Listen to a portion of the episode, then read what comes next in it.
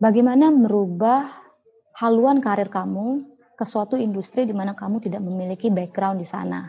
Hmm. Nah, jangan khawatir, banyak sekali orang pindah haluan karir dari industri A ke industri B yang sama sekali tidak berkaitan.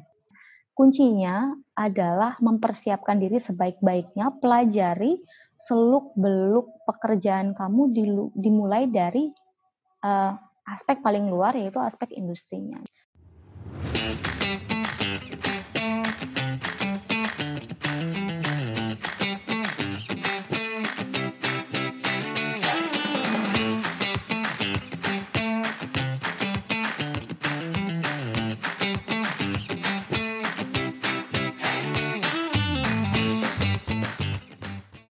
siapa di sini yang lagi di persimpangan karir? Yang merasa dirinya sedang mengalami quarter life crisis. Dan ini gak cuma buat orang umur 25-an loh. Ini bisa buat umur 30, um, dan bahkan bisa di, dirasakan sedini mungkin di umur 20-an. Kalau kamu merasa seperti itu sekarang, ini episode yang pas banget buat kamu. Selamat datang di Tips and Trick. Aku Titi dan aku akan jadi host kalian hari ini. Dan hari ini pun aku akan ditemani sama Kak Dayudara Permata. Halo Kak Dara. Hai Titi, saya kabar baik. How are you? Good, good. Terima kasih banyak Kak Dara udah mau meluangkan waktunya nemenin aku rekaman dan berbagi hari ini. Sama-sama, pleasure is mine. Good to be here. nah, aku rasa teman-teman mungkin udah pada kenal ya Kadara siapa. Jadi, uh, tapi buat yang baru kenal nih, Kadara itu uh, dulu salah satu foundernya GoLive dari Gojek, dan sekarang juga lagi merintis startup baru ya Kak, namanya Pinhome. Betul sekali. Nah, Kadara, boleh dong ceritain dikit kakak sekarang role-nya sehari-hari apa sih? Dan seberapa relate dengan topik switching career in your career journey? Uh, hi everyone ya, uh, nama saya Dayudara Permata. Saya adalah CEO founder dari Pinhome. Pinhome adalah property technology company. Posisi kita adalah sebagai e-commerce untuk sektor properti hmm? yang membangun platform yang bisa membuat transaksi jual beli dan sewa rumah, hunian atau uh, rumah usaha menjadi jauh lebih mudah dan sepenuhnya online. Hmm. Sebagai CEO founder Pinhome, uh, saya memimpin organisasi yang kira-kira berjumlah 110 orang saat ini dengan headcount yang terus bertumbuh bertambah ya. Hmm. Uh, saya punya pengalaman total 10 tahun, sudah tiga kali saya pindah industri. Hmm. Dan topik switching career ini mungkin sangat dekat di hati saya. Saya bilang very close to my heart karena uh, saya mengawali karir saya itu di sektor telekomunikasi sebenarnya. Hmm. Jadi backbone atau basis dari industri teknologi itu sebenarnya adalah industri telekomunikasi ya. Saya ingat 2011 saya terjun ke dunia telekomunikasi. Sektor ini um, baru saja transisi dari teknologi 2G ke 3G. Nah, hmm. 3G adalah gerbang dari digitalisasi di Indonesia ya. Karena sejak uh, teknologi uh, 3G berkembang uh, beriringan dengan perkembangan hardware, um, dan software ya um, era digitalisasi mau langsung terakselerasi gitu. Nah satu satu setengah tahun saya di sana sebagai uh, salah satu corporate strategy dan business transformation analyst uh, di Axiata yang merupakan hmm. salah satu perusahaan tekno, uh, telekomunikasi di Indonesia. Um, saya terjun ke dunia konsultasi, jadi berubah haluan ke dunia konsultasi. Alasannya karena saya ingin belajar lebih banyak lagi jenis industri yang berbeda, tidak hanya satu saja. Hmm. Di sektor konsultansi saya belajar um, karena melayani berbagai tipe klien ya, mungkin lebih dari 40 klien yang pernah saya layani dari uh, sisi advisory. Hmm. Empat tahun lamanya baru saya akhirnya belok ke sektor teknologi. Sekarang teknologi di di Gojek ya 2015 saya bergabung di Gojek ketika timnya masih 15 orang tim manajemen. Ah, lima tahun di Gojek, sekarang saya terjun ke perpotongan antara teknologi dan properti. Ya, jadi kira-kira sudah tiga kali uh, pindah haluan, uh, mungkin sudah belajar tentang 40 jenis industri yang berbeda gitu ya. I see. Wah panjang ya kak perjalanannya. Gak sabar banget nih dengar ceritanya Kak Dara. Nah, sebelum kita ngobrol, uh, aku mau share alur podcast hari ini. Jadi, kita akan bahas tentang kenapa sih sebenarnya kita tuh pengen ganti haluan atau ganti career path gitu ya. Um, terus gimana sih caranya kita bisa sensing nih, kalau keputusan kita ambil itu tepat, skill apa aja yang harus kita miliki, dan tentunya tips and trick apa aja nih yang bisa Kak Dara share ke teman-teman supaya membantu kurang lebihnya apa aja sih yang harus kita pertimbangkan saat kita mau ganti karir. Oke, okay. jadi nih Kak Dara, uh, berdasarkan pengalaman Kakak dan observasi Kakak, sebenarnya kenapa sih orang pengen ganti karir um, in the first place gitu? Banyak sekali alasan kenapa seseorang berniat atau ingin berubah haluan karir begitu ya. Hmm. Ada alasan internal dan ada alasan eksternal.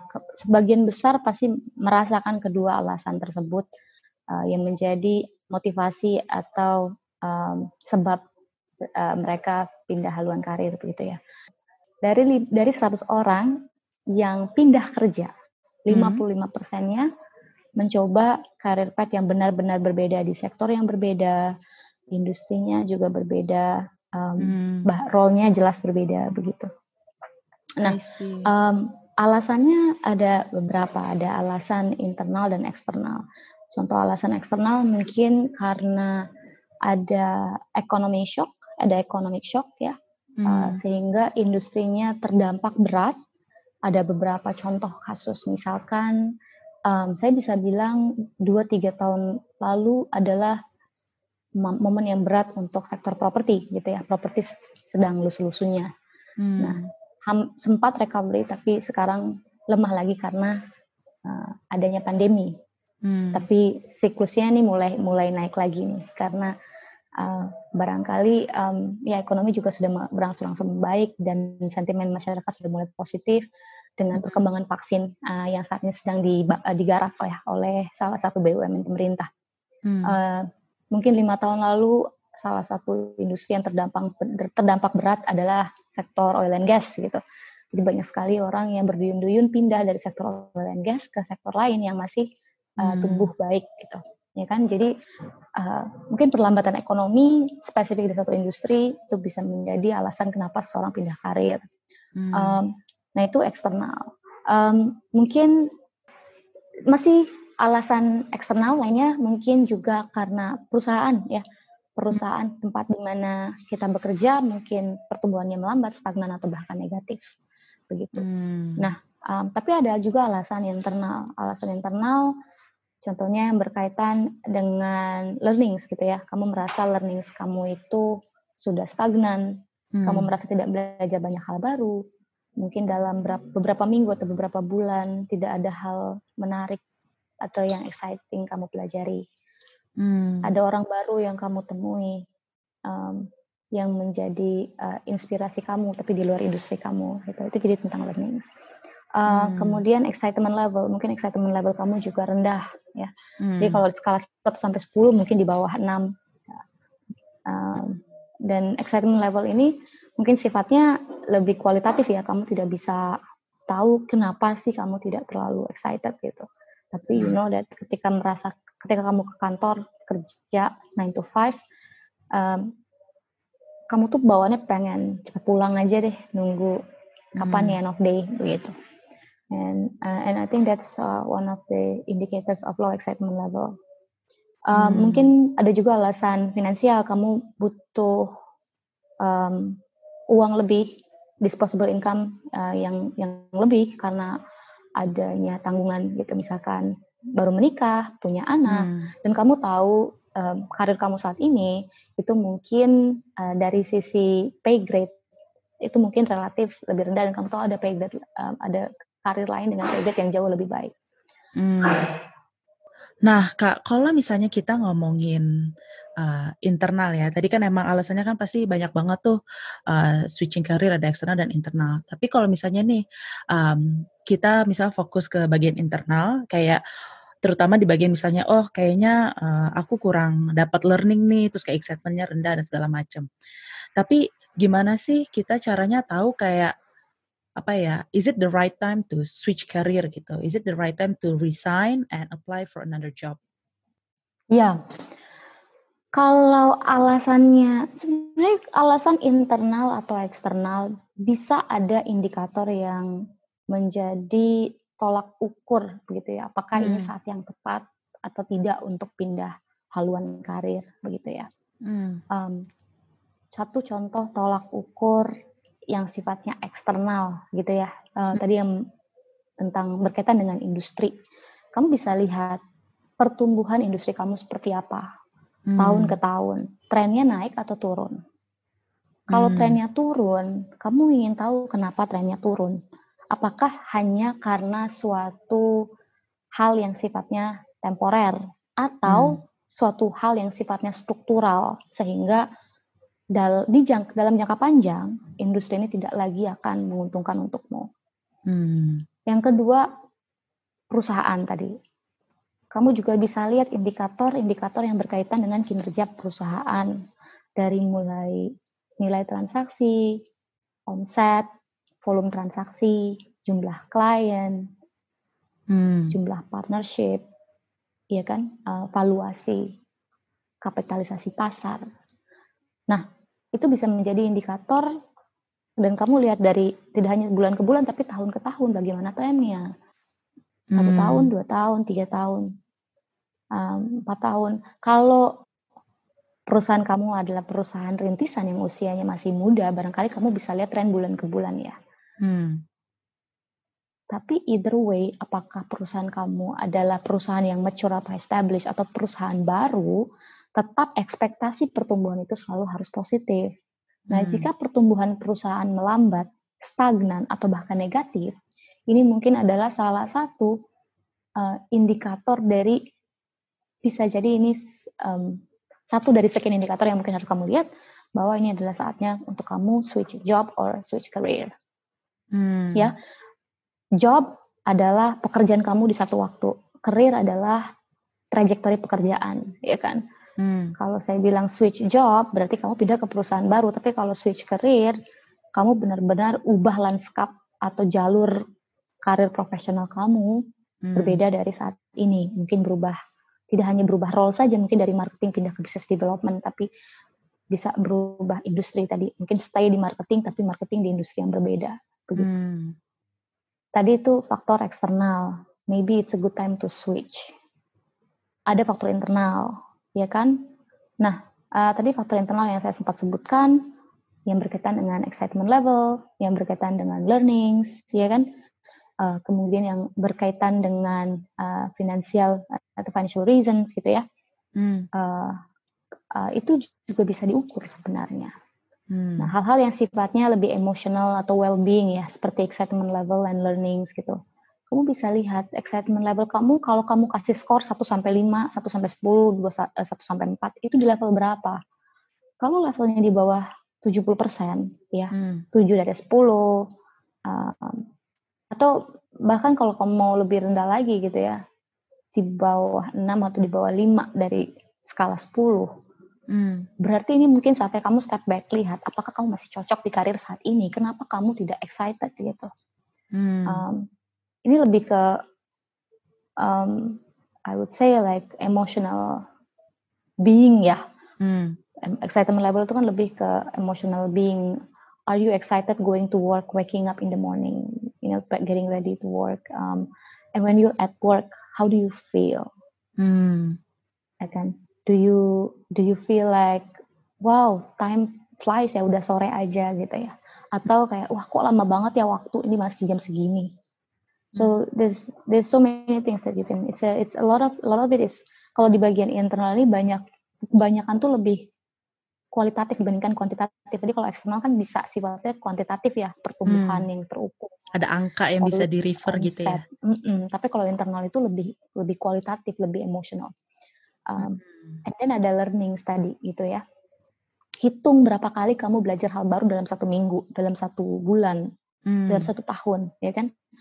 Hal baru itu um, bisa jadi project baru, uh, bisa jadi mungkin topik baru, ya kan? Hmm. Bisa jadi um, task uh, baru gitu ya, tugas baru gitu ya.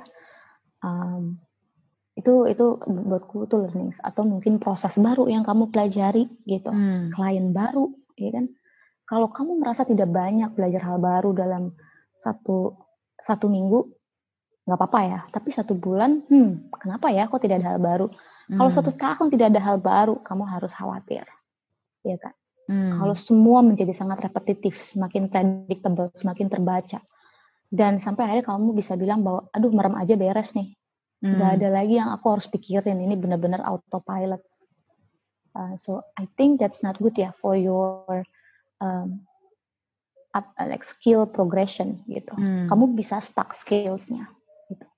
Kemudian um, tadi yang ketiga mengenai financial, uh, I would say financial well-being gitu ya. Hmm.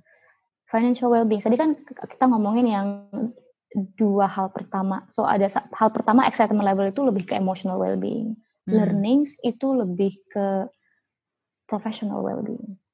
Hmm. Nah, aspirasi karir, uh, sorry, learning aspirasi karir itu ya tadi itu professional well-being. Nah, ada juga per, uh, ada financial well-being. Nah, financial well-being mungkin kamu lihat dari bulan ke bulan gitu ya.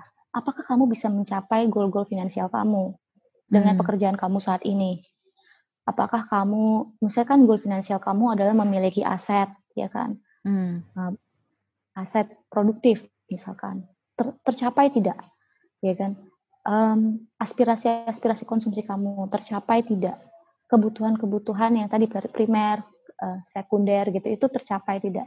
Hmm. Kalau ternyata kebutuhan primer aja kamu merasa ini tidak mencukupi gitu ya, Hmm. um, atau misalkan cukup sih tapi saya nggak bisa misalkan punya tabungan atau saya tidak bisa punya um, disposable income disisihkan untuk bisa liburan Hmm. atau untuk bisa belajar, ya kan untuk education.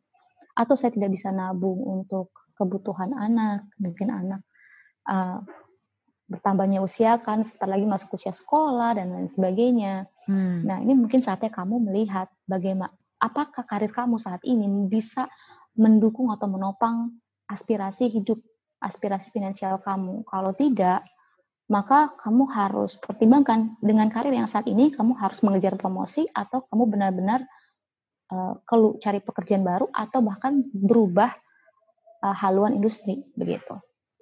Jadi ada uh, eksternal itu sesuatu yang kita bisa cari assess ya kak, kayak ngelihat di data, data revenue, data pertumbuhan. Dan kalau misalnya internal pun tadi kita bisa assess juga nih ke diri kita masing-masing. Sebenarnya secara um, uh, emotional well-being, secara excitement level, secara learning atau professional well-being sama uh, tentang financial well-being gitu. Nah, kalau misalnya salah satu aspek ini setelah kita assess ke diri masing-masing ternyata tidak berprogres, mungkin ini memang waktunya untuk switch career gitu. Nah, Kak, kalau misalnya oh. oke okay nih uh, misalnya ada nih teman kita yang kayak atau kita lah gitu ya kayak oh udah yakin nih kayak oh aku harus ganti karir aku harus ganti haluan nih udah udah yakin banget cuman kepentok kayak aduh tapi kan aku nggak punya skill yang yang mungkin uh, dibutuhkan di industri yang aku pengen gitu misalkan katakanlah tadinya dari oil and gas mau pindah ke telekomunikasi gitu tapi kan aku nggak ada background di telekomunikasi, aku nggak ada skill yang dibutuhkan di industri telekomunikasi gitu. Sedangkan kan saat kita uh, changing career path, uh, pasti um, mungkin kurang lebihnya background itu mungkin matter gitu. Nah kalau kayak gitu tuh sebenarnya gimana sih kak? Apakah tetap bisa uh, dengan skill yang kita punya sekarang yang mungkin ada gap dengan skill yang di industri yang kita apply? Bagaimana merubah haluan karir kamu ke suatu industri di mana kamu tidak memiliki background di sana. Hmm. Nah, jangan khawatir, banyak sekali orang pindah haluan karir dari industri A ke industri B yang sama sekali tidak berkaitan. Hmm. Mungkin kalau contoh kasus saya, saya pindah dari telekomunikasi kemudian ke sektor konsultasi. Kok hmm. jauh ya, beda sekali ya bisa kok bisa saya misalkan tiba-tiba gitu ya sukses berubah haluan karir dari pekerjaan yang cuma fokus ke satu industri yaitu telekomunikasi tiba-tiba ke industri konsultasi yang notabene sangat dinamis. Jadi bulan ini saya bisa mengerjakan project yang berkaitan dengan manufacturing atau pulp and paper. Kemudian bulan depan bisa belajar mengenai sektor yang berkaitan dengan fast moving consumer goods. Bulan depannya lagi bisa financial service sector. Berbeda sama sekali. Ya, bukan masalah dari telekomunikasi pindah ke konsultasi aja, tapi ketika saya di sektor konsultasi pun saya masuk ke project de, untuk klien-klien yang industrinya sama sekali tidak berkaitan gitu. Nah, bagaimana bisa sukses melakukan hal itu? Uh, pastinya yang harus dilakukan adalah memang kita harus belajar dari yang paling luar yaitu tentang industrinya sampai yang paling dalam yaitu tentang posisinya hmm. atau role-nya gitu ya. Nah, jangan khawatir belajar hal baru tentang industri kalau ketika kamu usia 30. Hmm. Atau juga jangan khawatir pindah industri ketika usia kamu 22 gitu ya. Hmm. Apakah lebih mudah pindah industri ketika kamu lebih tua atau lebih mudah ketika kamu lebih muda? Sama aja sih sulitnya. Tidak ada yang lebih mudah, tidak ada yang lebih sulit.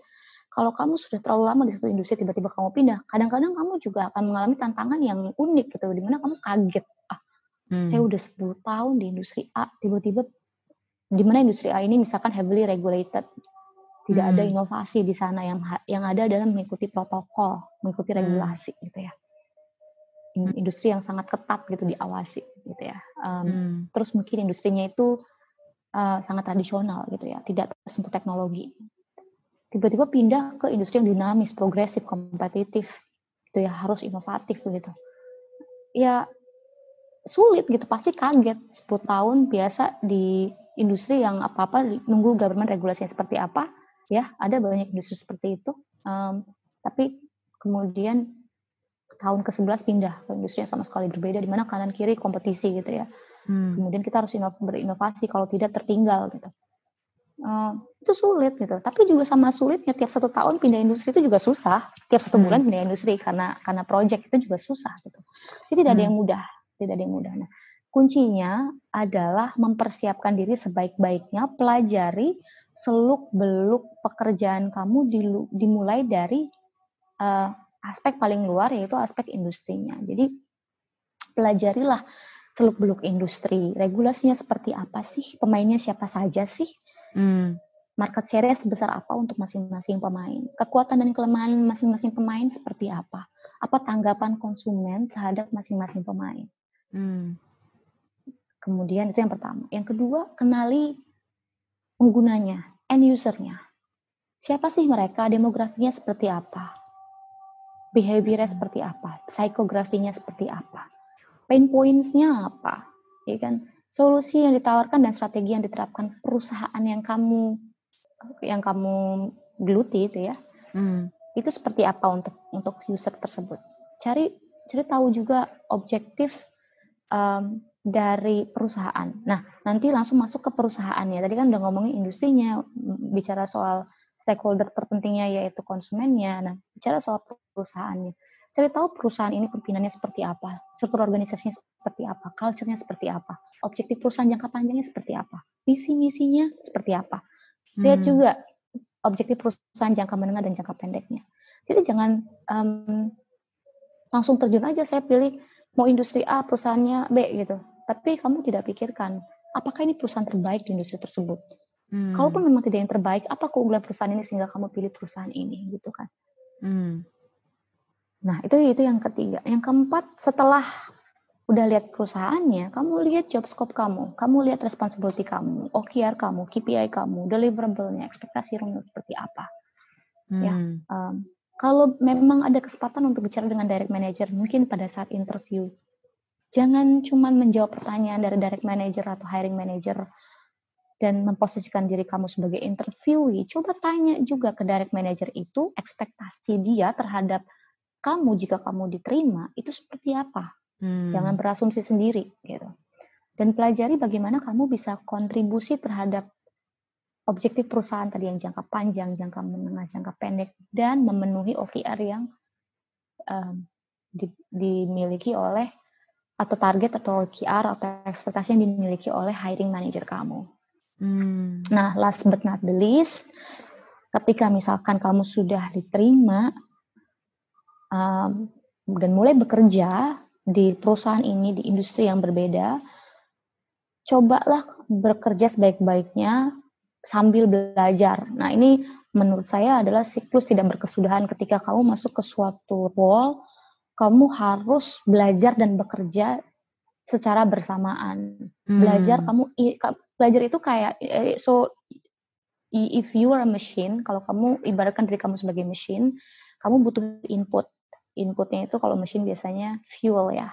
Nah, hmm. fuel kamu ini apa? Fuel kamu itu adalah skill-skill baru yang kamu pelajari. Hmm. Ya kan? Uh, hard skill, soft skill gitu ya. Nah, hmm. outputnya apa? Outputnya adalah produktivitas kamu, deliverable kamu, pekerjaan kamu, hmm. task yang berhasil kamu kerjakan. Nah, belajar dan bekerja ini harus seiring berjalan gitu ya. Hmm. Jadi jangan sampai kamu bekerja satu hal tapi pelajar yang kamu pelajari gitu ya atau di waktu luang kamu yang kamu pelajari itu bukan hal-hal yang berkontribusi terhadap karir gitu ya atau majority itu mungkin hal yang sama sekali tidak relevan dengan karir kamu. Hmm. Akhirnya input dan outputnya ini nggak sejalan. Nanti ada satu satu waktu di mana kamu karena kamu belajar hal yang tidak terlalu relevan dengan pekerjaan, entah karena kamu tidak suka pekerjaan kamu atau mungkin kamu punya hobi lain yang sama sekali beda dari apa yang kamu kerjakan, uh, bisa jadi nanti kamu stall. Ekspektasi itu selalu naik loh. Kalau kamu seorang analis, ekspektasi kamu mungkin di level satu ya hmm. dari seorang hiring manager. Begitu kamu naik ke spesialis, ekspektasinya udah di level 2. Kemudian kamu hmm. naik lagi misalkan jadi junior manager di level 3. Kamu naik lagi jadi uh, manager level 4, senior manager naik, kemudian ada GM, general manager, sampai VP, SVP, EVP. Dan kamu tahu-tahu, misalkan kamu progresif sekali, kamu bisa masuk ke level directors, board of directors gitu ya. Hmm. Kalau kamu merasa ketika kamu di level analis atau spesialis, udah ah, cukup ya, saya kerja, kerja aja nggak perlu terlalu banyak belajar skill baru, tidak usah perluas jejaring saya gitu, tidak perlu hmm. um, mungkin bekerja melampaui ekspektasi, ya sebenarnya kamu nggak nggak akan turun jabatan juga, tapi kamu juga nggak akan mungkin naik jabatan. Ya. Hmm. Ya, so um, di yang kelima ini adalah bekerja dan belajar dengan uh, dengan gigih gitu ya, bekerja dan belajar dengan gigih dengan sebaik-baiknya, bukan hanya untuk memenuhi, tapi untuk melampaui ekspektasi. Nah, hmm. kamu belajar itu dari mana? Oh, belajar banyak banget sumbernya ya. Ada um, dari uh, orang-orang hmm. yang kamu yang, yang kamu temui, uh, kolega kamu yang sudah lebih lama di industri tersebut, kamu bisa cari body orang yang sepantaran sama kamu, tenurnya sama, gitu ya, hmm. uh, dan bisa ngerti tantangan yang kamu hadapi. Kamu bisa cari coach, orang yang lebih senior, uh, mungkin tidak satu kantor, tapi dia bisa kasih kamu um, knowledge and skills gitu ya. Hmm. Uh, kamu juga bisa cari mentor mungkin di satu industri yang sama atau di perusahaan yang sama. Uh, nah itu sumber-sumber pembelajaran. Pastinya juga banyak sumber-sumber lain ya. Mungkin um, dari informal learning itu bisa datangnya dari webinar, dari seminar gitu ya.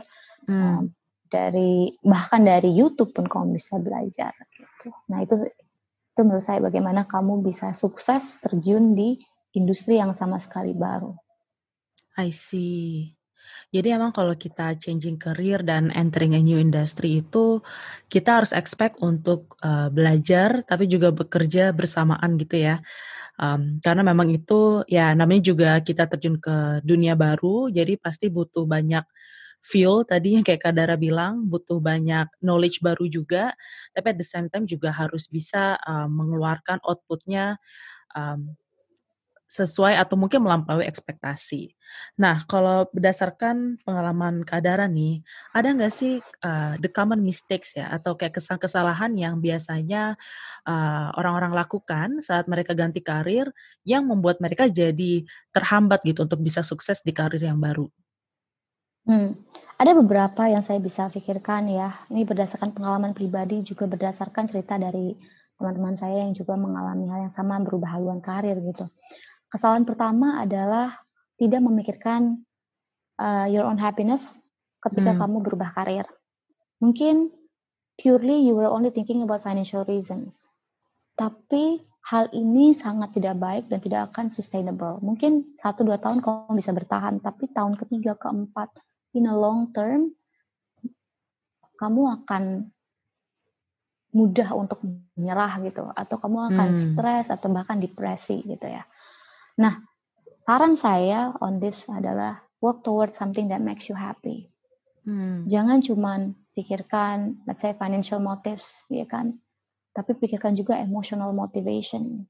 Nah, itu satu. Yang kedua, um, banyak yang pindah haluan karir itu sudah nervous sebelum mulai, sudah mm. berpikir dia akan gagal sebelum mulai. If you think you cannot do it, you won't be able to do it. Mm. If you hmm. think you can do it, you will achieve it. So the right thing to do and is to avoid this mistake and keep a positive attitude. Kamu hmm. harus percaya bahwa kamu bisa. Jangan skeptis atau pesimis gitu. Ini hmm. akan tidak mudah, ini akan sulit, tapi tidak mustahil. Hmm. Nah, itu yang kedua. Yang ketiga adalah pindah haluan karir tanpa pertimbangan masak.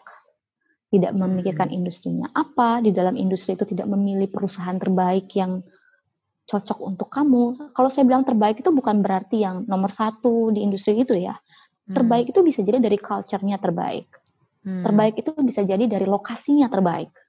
Kamu juga tidak mau kerja di perusahaan yang lokasinya 30 kilo dari rumah kamu, tiap hari kamu habis waktu 4 jam di jalan. Kehilangan waktu bersama keluarga, kehilangan waktu untuk belajar, kehilangan waktu untuk bekerja produktif. Ya kan? Hmm. Uh, jadi cari perusahaan yang terbaik untuk di perusahaan itu cari role yang terbaik yang cocok dengan skill skill set kamu dan aspirasi kamu. Nah, itu kesalahan yang ketiga. Nah, untuk menghindari kesalahan itu kamu harus melakukan riset.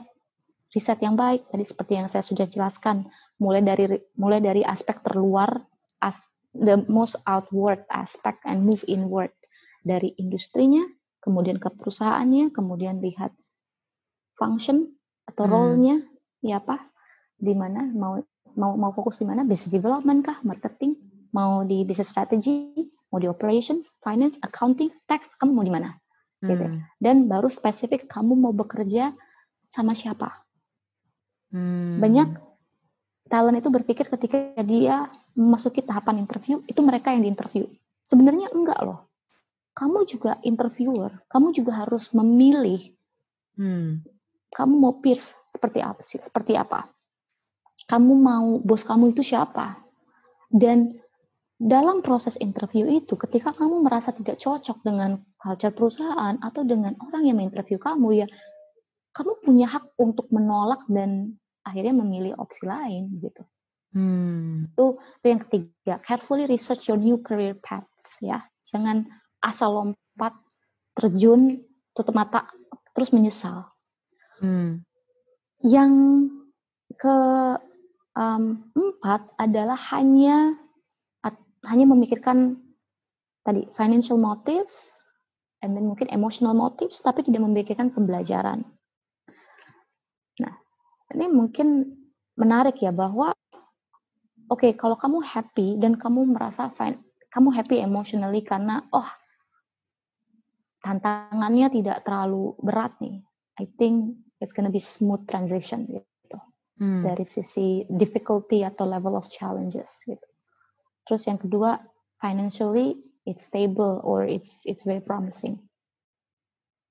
Uh, so it's a step up dari sisi uh, misalkan salary level atau compensation and benefits. Tapi aspek ketiga tidak terpenuhi yang tadi professional well-being. Kamu tidak merasa kamu belajar hal baru. Setelah satu dua tahun kamu juga akan bosan. Nah, hmm. Nah, yang keempat menurut saya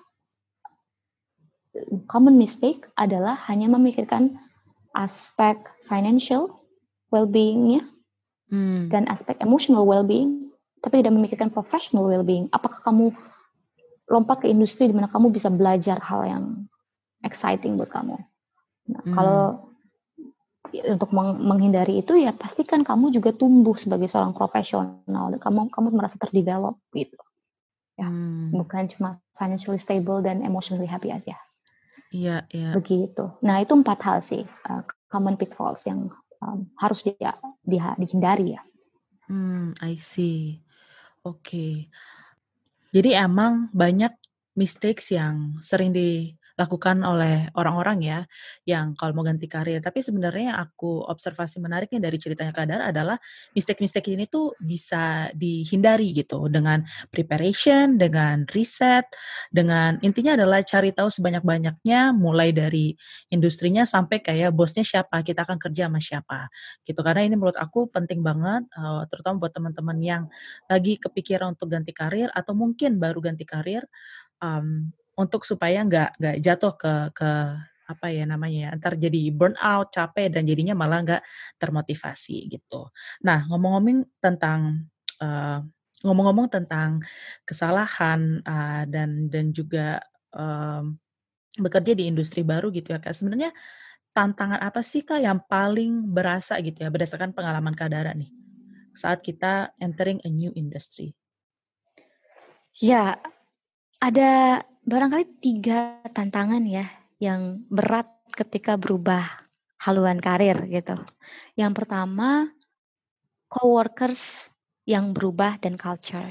So, culture and coworkers.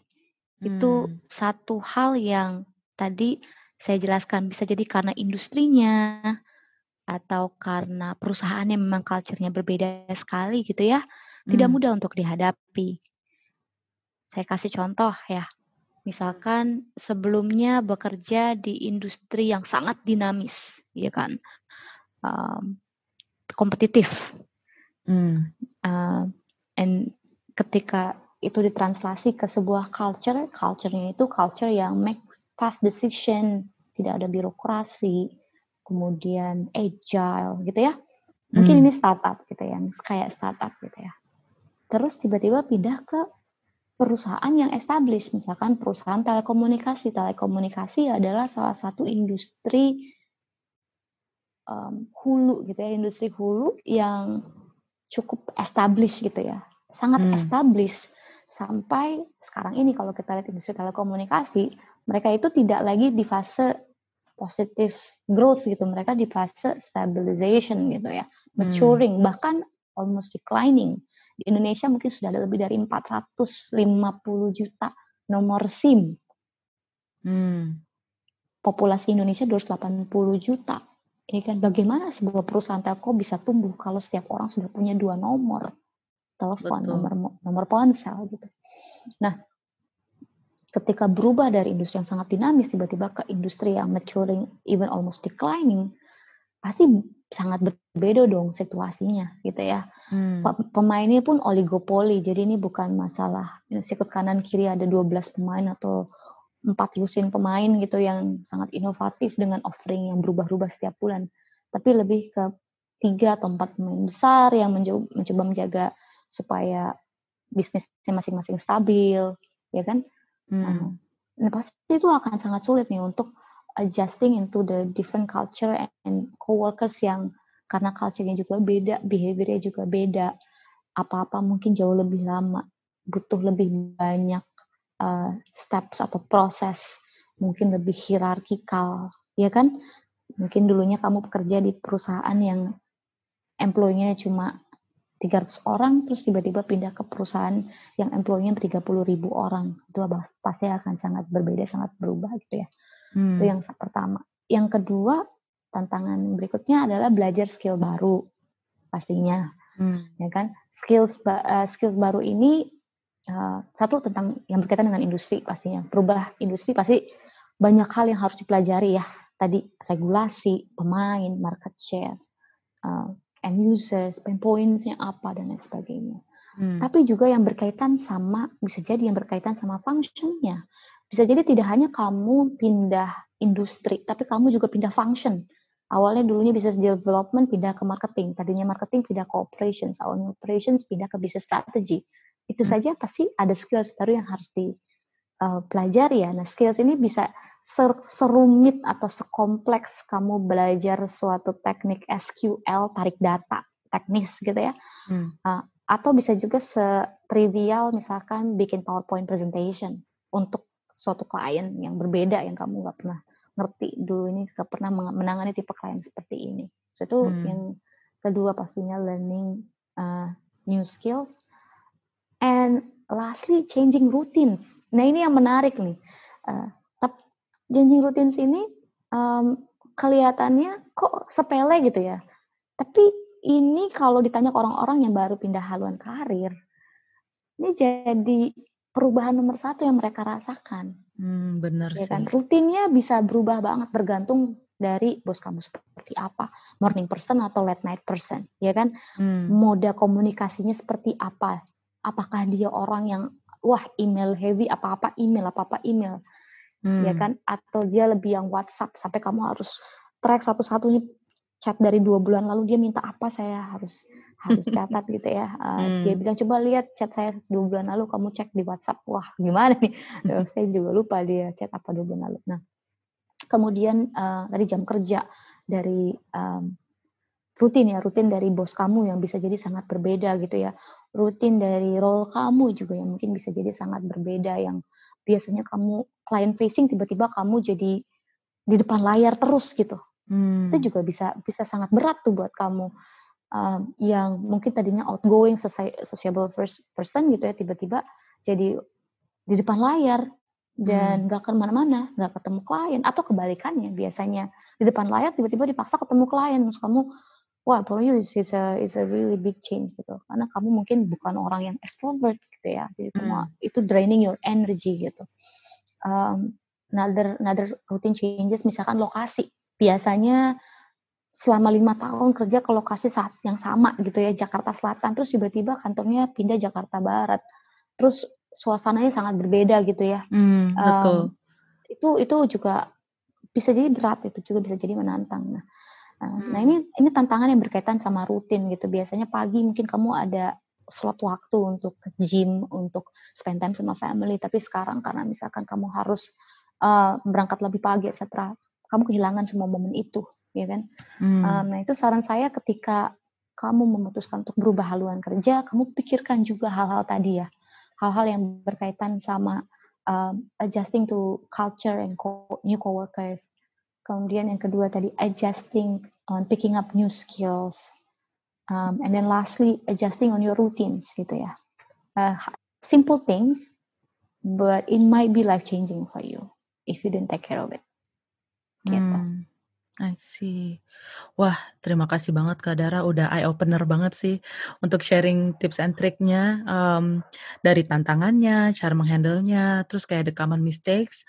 Menurut aku itu sesuatu yang, uh, penting banget untuk disampaikan dan mungkin belum banyak juga kali ya yang ngebahas, um, tentang poin-poin ini gitu dan buat teman-teman yang dengerin mungkin bisa take notes karena ini tuh penting banget, uh, untuk keberlangsungan hidup kalian saat ganti karir nantinya. Nah, Kak Dara, last question nih dari aku. Katakanlah oke okay nih, orang ini uh, udah pindah, udah masuk industri baru, tapi kan pasti dengan tantangan-tantangan tadi Kak Dara bilang, pasti kan ada momen di mana jadi goyah ya, kayak awal-awal pasti capek, ya mungkin beberapa orang bisa sampai nangis, terus kayak, aduh kenapa sih gue pindah gitu kan, tahu gitu gue nggak pindah, dan segala macam. Nah, berdasarkan pengalaman Kadara nih, karena kan Kadara juga pindah dari konsultan waktu itu ke Gojek, terus bisa uh, stay dari 2015 sampai ya kurang lebih lima tahun gitu kan. What what what are the things that you do um, to convince yourself that this is the right decision and and what makes you to keep going? Ya, um, buat saya ada tiga hal sih. Yang pertama pastinya internal motivation.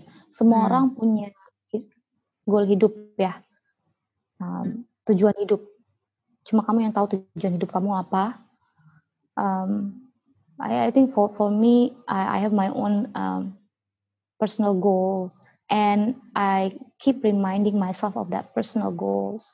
Hmm. When time gets tough, saya ingatkan diri saya, this is the reason for my being, this is the reason for my existence, this is this, this is it, uh, this this career shift if necessary gitu to get there. Itu yang pertama. Hmm. jadi kamu harus punya tujuan hidup sih. Ini akan membantu kamu untuk tidak kehilangan arah. Jadi seperti North Star gitu ya. Kamu hmm. bisa merasa aduh perjalanannya kok zigzag kok nggak mulus. Tapi selama kamu ngelihat North Star itu ngelihat bintang utara itu kamu akan ingat oke okay, nggak apa-apa. Jalannya bisa zigzag tapi akhirnya yang penting saya sampai ke sana gitu. Hmm. itu yang pertama. Yang kedua kamu juga butuh support system ya. Support system ini bisa spouse, family, uh, orang tua, anak gitu ya. And and and friends juga. Uh, that can help to motivate you when time gets tough. Hmm. Nah, um, I think it's important because sometimes internal factor or internal reason is not enough. You need that external factor reasons gitu. Hmm. Itu yang kedua untuk mendorong kamu untuk tetap bertahan. Gitu ya. Nah, yang ketiga, kamu juga bagi saya at least this is for me personally, uh, what keeps me going is breaks or hmm. pause or step back moments in between those uh, in in between the the long marathon ya kan karir hmm. itu bukan sprint bukan sekali lari beres gitu ya kamu hmm. hidup 70 tahun misalkan sekolah 20 tahun 50 tahun sisanya ya kamu berkarya gitu ya hmm.